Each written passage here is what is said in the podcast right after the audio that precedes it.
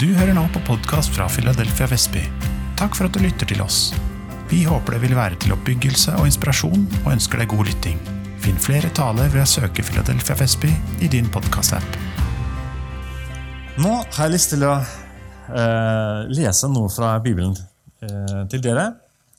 Og I dag valgte jeg å preke litt annerledes enn vanlig.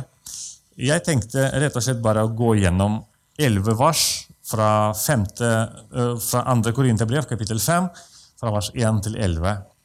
Så jeg kommer til å rett og slett bare følge teksten, følge det som Paulus skrev i disse versene. Og jeg skal prøve å forklare, liksom, kommentere hvordan jeg forstår det. Det er mulig at du har noen andre tanker rundt dette. Og jeg kommer ikke til å si at uh, det er, det jeg, jeg, sier det er alfa og omega. Samtidig så jeg synes dette kan være litt interessant å føle med Paulus sin, må, Paulus sin måte å tenke på. Uh, og versene syns jeg er ganske interessante. 2. Korinterbrev, kapittel 5, fra vers 1 til 11.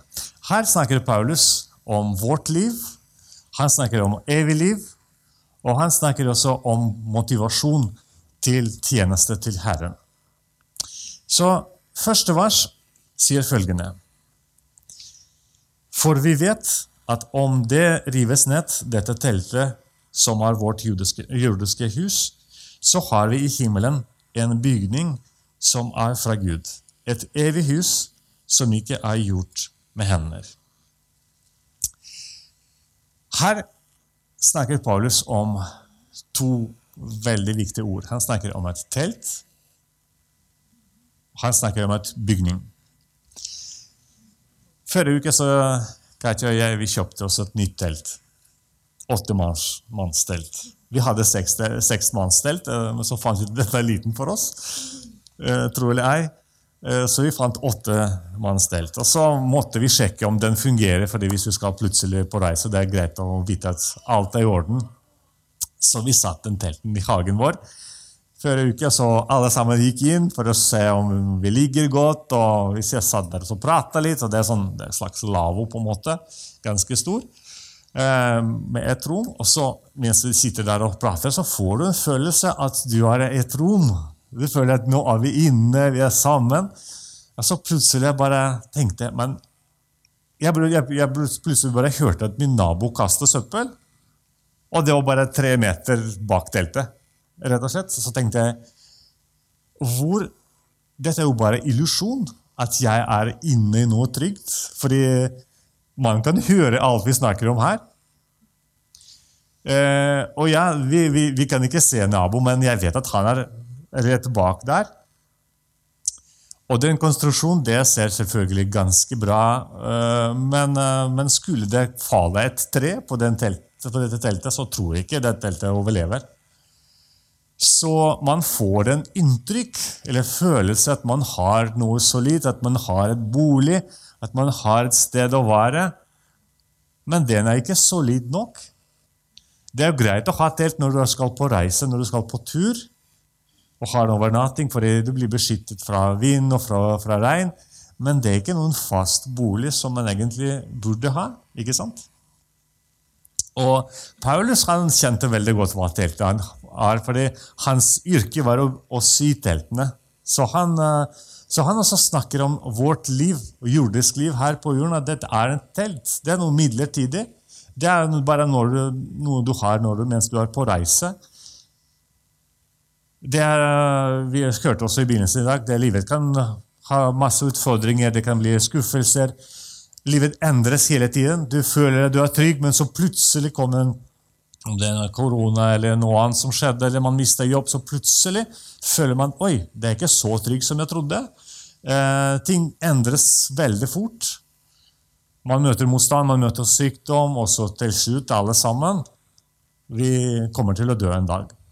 Så dette er ikke noe evig, dette er ikke noe fast. Det er noe midlertidig. Og så eh, også Paulus sammenligner dette med et, en enebolig. Noe som er eh, isolert, godt isolert, med vinduer, med dører som kan låses, som er trygg, som står i flere år. Og dette er eksempel på det evige livet som Jesus har for oss. Det er noe som kommer til å være for evig. Noe som rokkes ikke. Den er fast. Og Det jeg er veldig interessant, dette bildet. han, han, sier at det du har nå, eller det vi har nå, det er bare midlertidig. Men det er noe annet i vente i fremtiden som er evig. Eh, og Paulus skriver videre i vers 2.: Mens vi er her, sukker og lengter vi etter å bli ikledd og omsluttet av vår himmelske bolig. Han har lyst til å flytte, eller han sier 'jeg ønsker å flytte meg dit'. Det er selvfølgelig fint med den, den, dette teltturet som vi har nå. Det er gøy. Det er mye bra som skjer mens vi, er, mens vi lever også. Men mitt ønske er å komme meg hjem. Å komme dit hvor jeg skal være fast, hvor jeg skal leve for evig liv. Um, I Bergpreken så også henvender seg Jesus til mennesker som egentlig lengter etter Guds rike, lengter etter det evige. Han sier særlig de som er tørste og hungre. Det som er, fordi Folk er misfornøyd med det man har. Man forstår at det finnes noe bedre, noe større. Man sukker etter noe evige. Man sukker etter rettferdighet. Man sukker etter et sted hvor man skal ikke oppleve sykdom, og man skal ikke oppleve eh, mot, kanskje motgang og andre ting. Eh, det er et sted hvor man skal være sammen med Herren. Og jeg må si at Spesielt når du opplever innimellom Guds nærvær i hverdagen. Jeg vet ikke om du har opplevd det. altså plutselig Når du er i Guds nærvær, så plutselig alle disse bekymringer forsvinner. Man så kan bli helbreda til Guds nærvær. ikke sant? Frykten går bort. Så dette er det øyeblikket kanskje nærmeste du er vi kan komme til himmelen, hvordan dette blir der. Fordi når vi skal dit en gang, vi skal være alltid i Guds nærvær. Og da alle disse eh, motstander og alle sykdom alt sammen, alt kommer til å bli borte. Fordi der hvor Gud er, finnes ingenting som har med synd å gjøre, og ingenting som er ufullkommen. Så Paulus, som, når han møter Gud, og når han er sammen med, med Gud, når han, når han tenker over det, så han lengter etter det evige og det fantastiske. Og så videre sier han at når vi tenker om det evige liv, så vi skal ikke tenke at dette blir en slags fantastisk drøm, en sånn nirvana eller noe, noe sånn tilstand som er, som er helt annerledes enn, vi, enn, det vi har nå. Fordi Paulus skriver videre i vers 3. Han sier For når vi slik er blitt kledd, blir vi ikke stående nakne. Så lenge vi bor i vår jordiske telt, er vi nedtrykt og sukker. For vi ønsker ikke å bli avkledd, men påkledd, så dette dødelige kan bli oppslukt av livet. Det kan bli litt vanskelig å forstå disse ordene, men her Paulus han også sier at uh, vår kropp det er egentlig klær til vår inderlige menneske. Til vår sjel og ånd. Så vår kropp er også en slags, si, en slags telt som en dag kommer til å erstattes med noe evige. Erstattes med noe fast og solid. Og Han sier vi, vi ønsker ikke å være nakne. Han mener at vi, det, det, det, er ikke vårt ønske å gå ut av denne kroppen og så bare være i en sånn åndelig tilstand. Nei, vi ønsker å flytte i et nytt kropp. Fordi dette er Guds vilje for oss. Fordi han har skapt et nytt kropp for oss. Så du og jeg en dag kommer til å få et nytt kropp. Så når vi tenker på det, eh, det evige livet, det er ikke et liv i en slags halv drøm eller en eller annen tilstand. Vi skal leve akkurat som nå. Det bare blir mye bedre kropp. Og det vil kanskje bli nye trær. Det blir noe annet. Men, men det, det, blir en virkelighet akkurat som denne som du, har, som du og jeg har nå. Og Det synes jeg er også litt veldig viktig å tenke på, at, fordi dette også viser oss hvor reelt eh, evigheten er. Eh, det er ikke bare noen drøm eller et ønske eller en måte å flykte fra noen, fra noen vonde tanker når vi har det vanskelig, men dette er en fremtiden som venter på deg og meg. Det er noe som er kommer til å skje en dag. Eh, og så en annen ting hvorfor vi trenger en, eh, en ny kropp, egentlig. Jeg ser at hvor, hvor, hvor svak den kroppen er, bl.a. f.eks. I, i møte med Guds kraft. Den kroppen tåler nesten ingenting. For så fort Gud kommer med litt tydelig nerver, så begynner, ting, eh, begynner kroppen både å riste og falle. og eh, alt mulig. Og så egentlig Bibelen sier at vi kan ikke se Gud med våre øyne i, i vår kroppen, for da dør man. Det er derfor også Gud må være på mange måter usynlig og på avstand, rett og slett for å spare oss. Men den dagen, en dag når vi skal flytte dit, vi kommer til å se Han som Han er. Og for å tåle Hans kraft og Hans majestet, da trenger vi en helt ny kropp som er eh, eh, fireproof, eller kan jeg si, som tåler mye mer. Ikke sant? Vers 5 sier den som har gjort oss i stand til nettopp dette, er Gud, som har gitt oss Ånden som pant. Gud skapte oss ikke bare til å leve her på jorden, men han skapte oss til at vi skal også etter hvert flytte videre. Eh, også eh, akkurat som metamorfose når en, det finnes en larve det er sånn livstilstand. og Den lever og så spiser blader. og Det er et, et, form for liv. Men så må larven gå inn i en uh, en spin, spinnevev. Nei, larven går først til sånn en liten hus, og så blir den gjort om til en sommerfugl. Så kan si, det var kanskje en, Man kunne kalle det for en død også. Men det var egentlig en overgang fra én tilstand til en annen tilstand. Også det blir helt annen kropp. Du ser ikke det er en larve med, med vinger. Det er en uh, sommerfugl. Det er helt annen skapning, men allikevel, det er, det er samme skapning. Uh, det er noe som blir overført videre. Og uh, virker sånn at Gud også har noe lignende for oss. fordi og det, men dette gjelder ikke bare den, den metamorfose som Gud har for oss. Den gjelder ikke bare vår kropp, men egentlig hele vårt menneske. Så hvis du tenker Når du er frelst, hva skjer da? Da hvor ånden ble født på ny. Det skjer på et øyeblikk. Noe som ble død, ble til liv. Og det har opplevd, har vi opplevd når vi kom til troen. Og så skjer en, en, annen prosess som skjer gjennom livet. Det er når vår sjelen også forandres. Fordi Gud arbeider med våre følelser, Gud arbeider med vår karakter, Gud arbeider med, eh, med flere ting inni oss. Og Dette er også en metamorfose, fordi Gud vil at vi skal bli mer og mer lik Jesus. Så sier Bibelen at en dag vår kroppen også skal bli frelst. Fordi eh, etter at jeg ble frelst når jeg kom til troen, skjedde ingenting med kroppen min. Det ble akkurat det samme. Men en dag sier Jesus at altså, kroppen skal bli forvandlet har blitt gjort om til at det blir lik Jesus kropp, Jesu kropp i himmelen. Så den prosessen vi er nå i Vi går, vi fremdeles bor i teltet, men vi er på vei til et evig bolig. Um, og hvordan vet vi at dette kommer til å skje?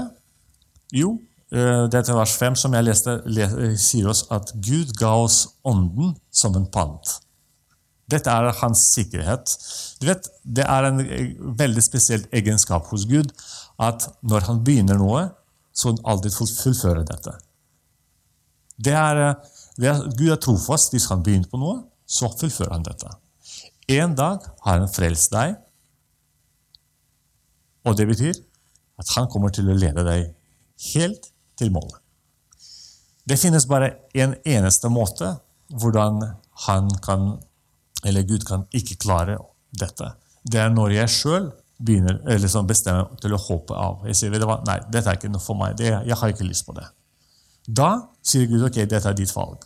Men så lenge jeg holder meg fast ved, ved Gud, så lenge jeg holder ved ham, uansett hvor mange ganger jeg står eller faller, som jeg sa siste gang jeg preka, den rettferdige kan falle sju ganger, men han reiser seg og går videre. Uansett hvor mange ganger du faller, men hvis du holder fast ved Jesus, han fremdeles arbeider i oss ved sin, hånd, ved sin ånd, og han kommer til å lede oss til himmelen. Hebreabrev, kapittel 10, vers 38-39, så står det skrevet Min rettferdige skal leve ved tro, men trekker han seg unna, har min sjel ingen glede i ham. Men vi er ikke av dem som trekker seg unna og går fortapt. Vi er av dem som står og berger sin sjel, sier forfatteren. Og dette er et mål for oss alle sammen. Vi har lyst til å være med Jesus. Gud har begynt å begynt arbeid i oss. Så hvis vi bare holder fast ved Han, han kommer til å fullføre denne, dette arbeidet. Amen. Um, vers 6.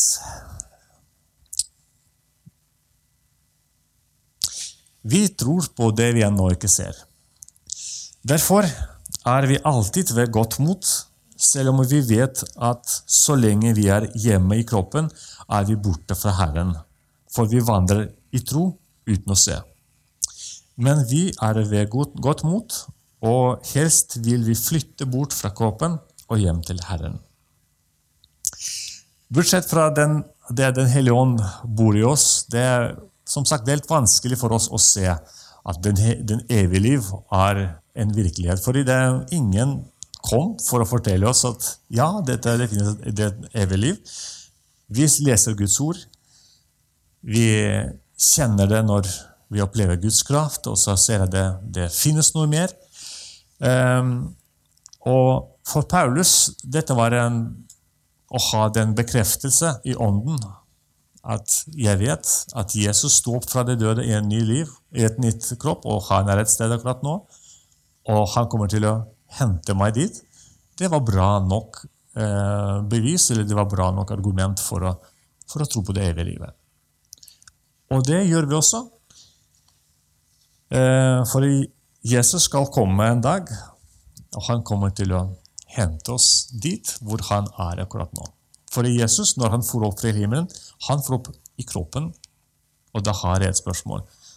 Hvis han har kroppen, hvor er han? Det må finnes en fysisk sted hvor den Jesus med sin kropp befinner seg akkurat nå.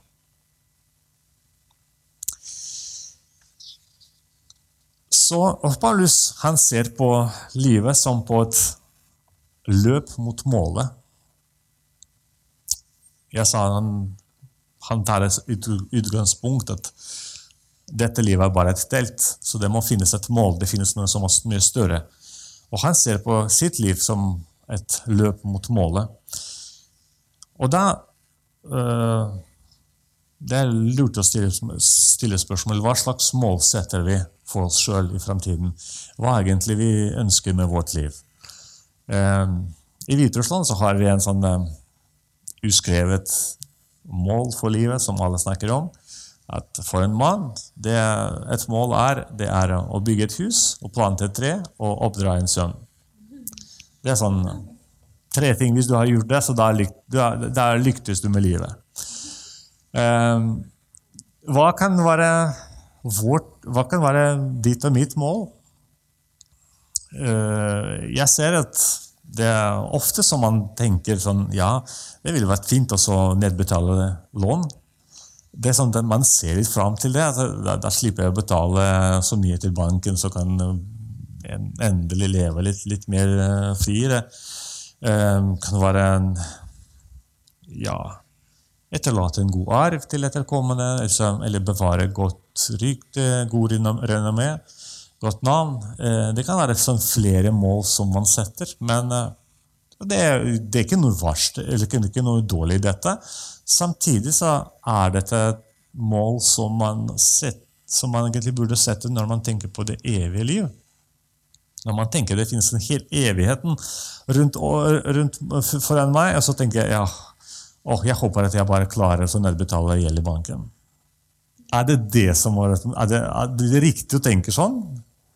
Nei, egentlig så skulle jeg vite at Jesus kommer neste uke, så vil jeg kanskje bare bruke alle pengene på en gang. Men det vet jeg ikke, så derfor må man være litt, sånn, eh, litt fornuftig òg. Ehm, men, eh, men, Paulus han ser at han, han, kommer til å møte det evige liv. Derfor han uh, former hele sitt liv, eller han setter målene i sitt liv, eller verdiene, velger verdiene i sitt liv, med tanke på det evige liv som han kommer til å møte en dag. Og her jeg kommer til en veldig viktig punkt som jeg for min egen del det er veldig øh, Hva skal jeg si Det er en øh, tankevekkende eller forfriskende. Vers 9. Derfor setter vi vår ære i å være til glede for ham, enten vi er hjemme eller borte. For vi må alle fram for Kristi domstol. For at hver og en kan få lønn for det han har gjort gjennom sitt liv i kroppen. Enten godt eller ondt. Der plutselig eh, kommer en annen virkelighet i bildet. Jo, selvfølgelig, vi kommer til å møte det evige liv, ny kropp. Eh, og Nå snakker jeg til frelste folk. Så når jeg snakker at alle sammen skal komme en gang til Jesu domstol, det er ikke et sted hvor vi kommer til å bli vurdert om vi er frelst eller ikke frelst. Fordi den dagen jeg tok imot Jesus, så er jeg frelst. Jesus tok min straff på seg, jeg skal, så jeg kan være trygg i dette. At uansett eller, eller, når jeg dør, så jeg vet at jeg er frelst. Men Paulus sier at allikevel, alle sammen, alle vi kristne, kommer til å møte opp en gang ved domstolen. Og da tenker jeg For min del det er mye lettere å forholde meg til Gud, som er usynlig akkurat nå. fordi du kan av og til late som at du ikke ser han. Eller sånn, du kan gjemme deg, eller sånn, du kan bare se bort fra disse tankene. Men en dag jeg kommer til å møte han som han er. Jeg og han. Tenk på det. Jeg, jeg, jeg tenker til på det. Altså, jeg kommer til å ha min samtale med han. Eh, hvor vi kommer til å gå gjennom mitt liv. Og han kommer til å stille meg spørsmål. om um, Han kommer til å vurdere mitt liv. Og jeg håper at han finner noe bra der. For Bibelen sier at uh, han kommer ut ifra dette møtet så kan han komme til å vurdere hvordan, vi brukte, hvordan jeg brukte mine gaver, Uh, hvor, hvor lydig jeg var til, for til hans ord. Og uh, Paulus skriver i 1. Korintene kapittel 3 han sier det finnes ikke en annen grunnvoll som man kan legge, fordi det er Jesus Kristus, men, men på den grunnvollen kan vi bygge med forskjellige materialer. Man kan bygge av gull, man kan bygge søl, stein eller halm. Men til slutt alt kommer til å prøves. Og den som bygde solid, han kommer sin lønn. Men den som bygde litt sånn uh, ikke solid, byggeverket kommer til å brenne ned, men han sjøl kommer til å bli frelst. Men, men, jeg tenker dette er en veldig dårlig utgangspunkt. Komme til Jesus, og så plutselig alt du jobbet for hele livet, sier nei, vet du hva, det var ikke bra nok. Det må vekk. Og så bare står jeg der, og så Ok. Du er velkommen i paradiset, men du har ingenting med deg. Det syns jeg er litt av en dårlig utgangspunkt til å begynne en evig liv, og du har ingenting på konto. Eh, så også dette for meg ganske sånn det er oppfriskende tanke, for jeg enda kommer til å møte Jesus. Og jeg har lyst til å, at når jeg skal møte han, at jeg har lyst til å For jeg må være ærlig, og jeg har lyst til å være ærlig mot han. Det kan hende det er ting som jeg syns var vanskelig, og jeg har ikke gjort alt som er riktig. Men jeg kommer til å være ærlig, og det blir ikke noe valg til å ikke være ærlig. Men jeg tenker, allerede her mens vi er på jorden, så ofte møter vi Skriften. Når jeg leser Skriften, så Skriften begynner å tale, tale til meg. Kan utfordre meg òg. Og da har jeg et valg. Jeg kan ta det på alvor, det jeg leser jeg kan ta på alvor det Gud sier om mitt livsstil, om, eller om min tjeneste. Eller jeg kan velge å se bort fra dette og så bare lukke Bibelen og så bare gå. Det, det, kan man gjøre nå. Det kan man gjøre her og nå. Men en dag når dere skal komme til Jesus og han sier vet du, husker du den dagen du bare lukket Bibelen og så gikk? Hvorfor? Hvorfor gjorde du det? Og så tenkte jeg, Da blir det vanskelig å bare snu og så bare gå forbi Jesus i paradiset, for da må du gi et svar. Uh, så dette på en måte, Paulus sier at dette er tingene som, som, som Det virker sånn at han også tenker på, dette, på, på disse ting. Uh, at en dag han kommer til å møte Jesus. Første Korinterne, jeg leser fra 4, kapittel 4 fra vers 3 til 5. Han sier, men for meg betyr det ingenting om jeg blir dømt av dere eller av en annen menneske i domstol. Jeg er heller ikke min egen dommer, for jeg vet ikke om noe, eh, noe galt jeg har gjort. Men jeg er ikke dermed frikjent, for Herren er den som dømmer meg. Døm derfor ikke før tiden, før Herren kommer han skal få fram i lyset det som er skjult i mørket, og avsløre hjertets tanker. Da skal Gud gi enhver den ros han har fortjent.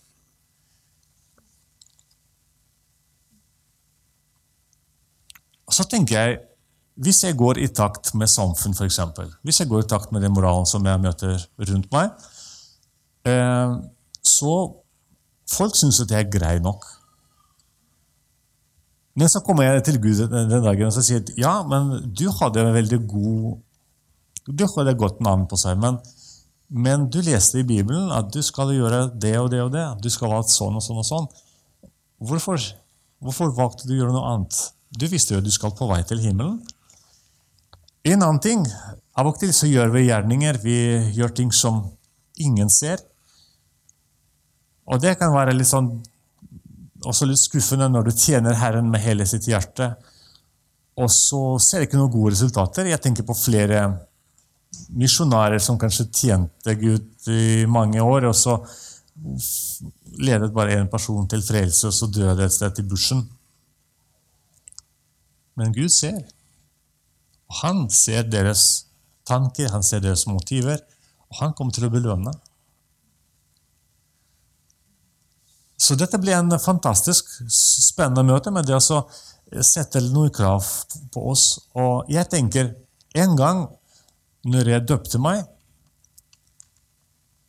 For jeg ser på dåp som en eh, god samvittighetspakt. Jeg lovet Gud, jeg, jeg, jeg, lovet ikke Gud at jeg skal være plektfri, at jeg skal være fullkommen. Det kan jeg ikke love. Men jeg lovet at jeg skal gjøre ting med god, eh, at jeg skal være samvittighetsfull framfor ham.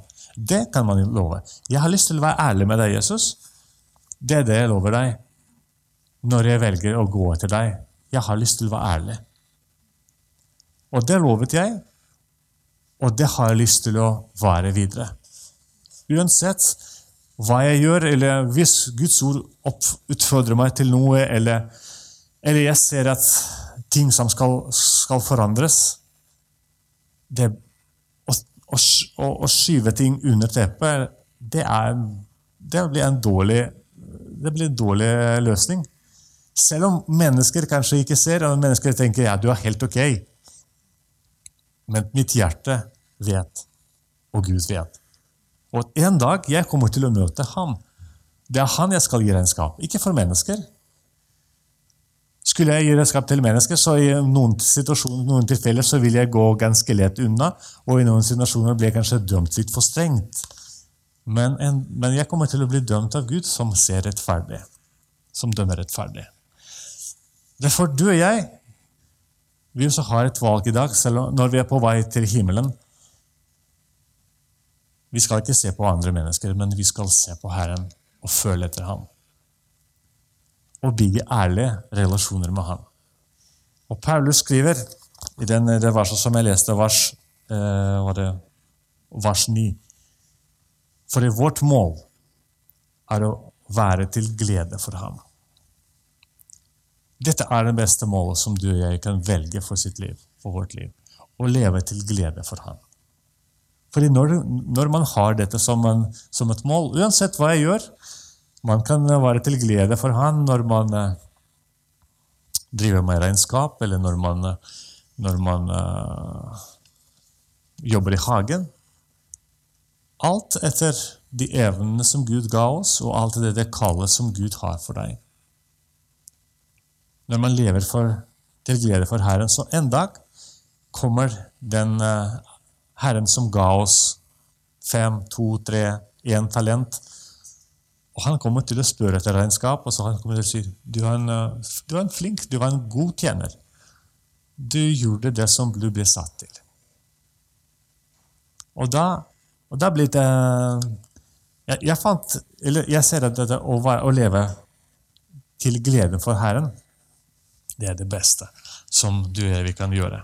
For når Gud blir glad, Den hellige ånd som bor i mitt hjerte, han også blir glad, og da blir jeg glad til slutt. Amen. Eh, nå nevnte jeg dette Jeg, jeg går mot avslutning allerede.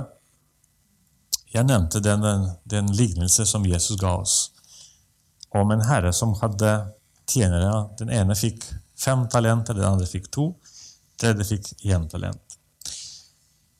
Også den ene han gikk og brukte det han kunne, gjorde det han kunne, eh, investerte, og så fikk noe tilbake.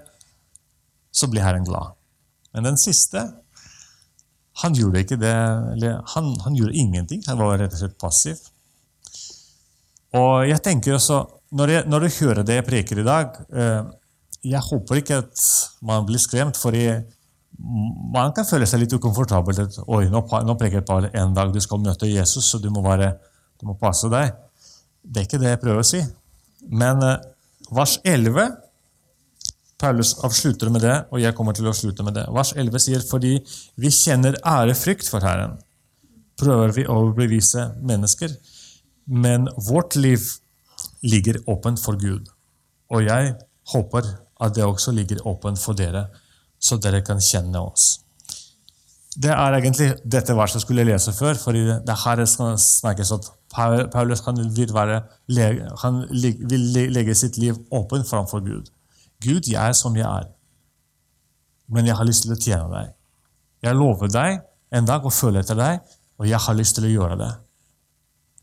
Om jeg får til, det er veldig bra. Om jeg ikke får til, så har jeg Den hellige ånd, så ber jeg du skal hjelpe meg. Men jeg har lyst til å leve sammen med deg.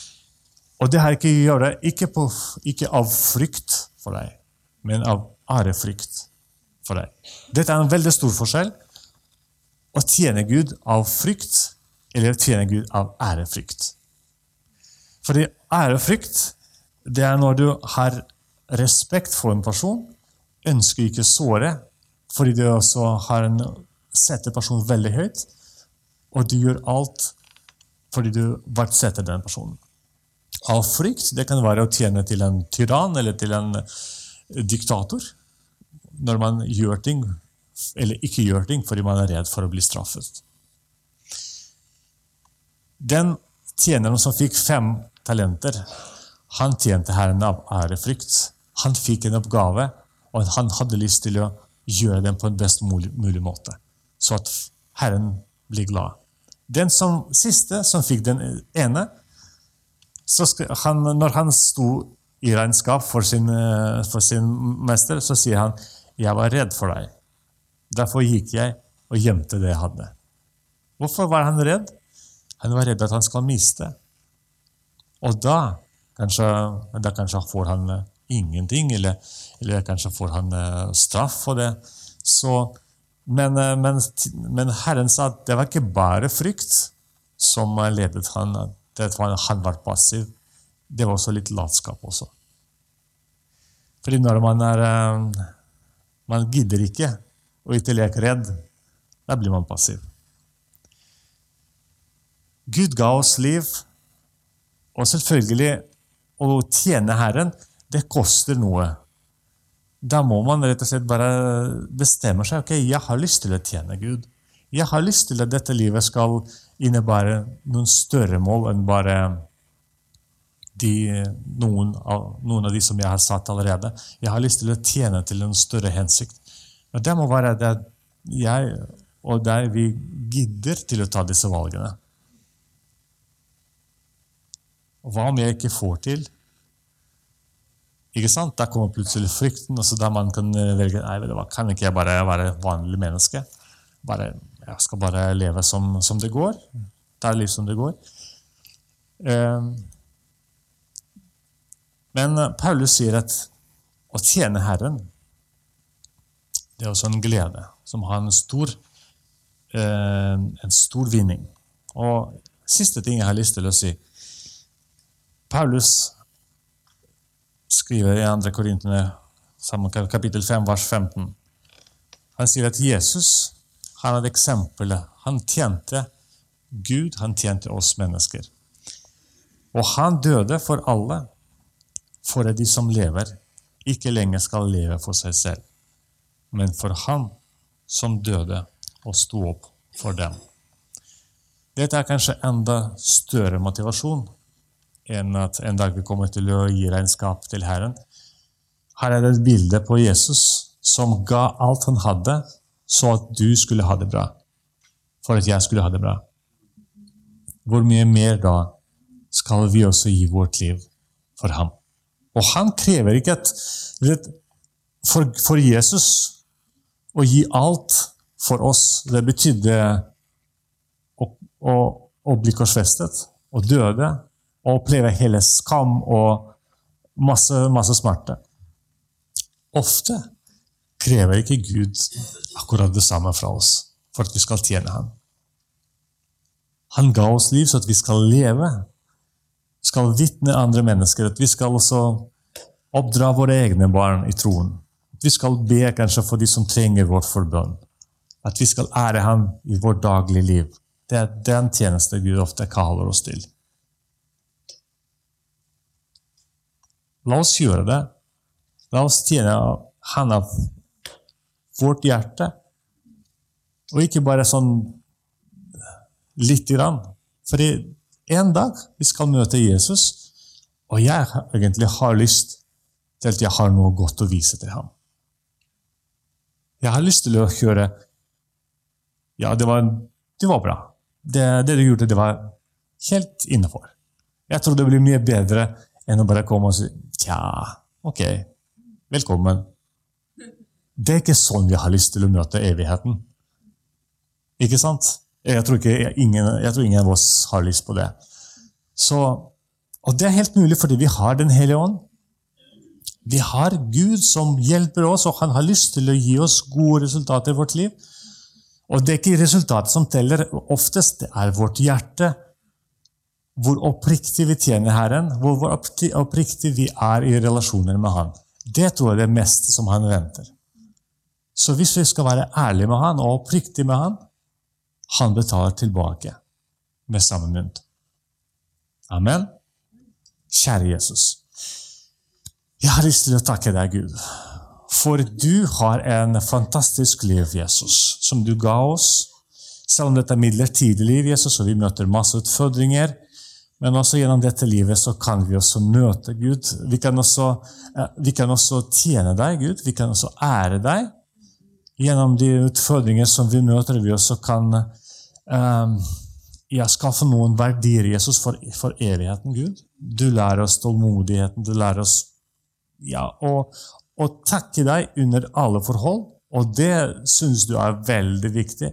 Syns du er veldig imponerende, Jesus, når vi gjør det.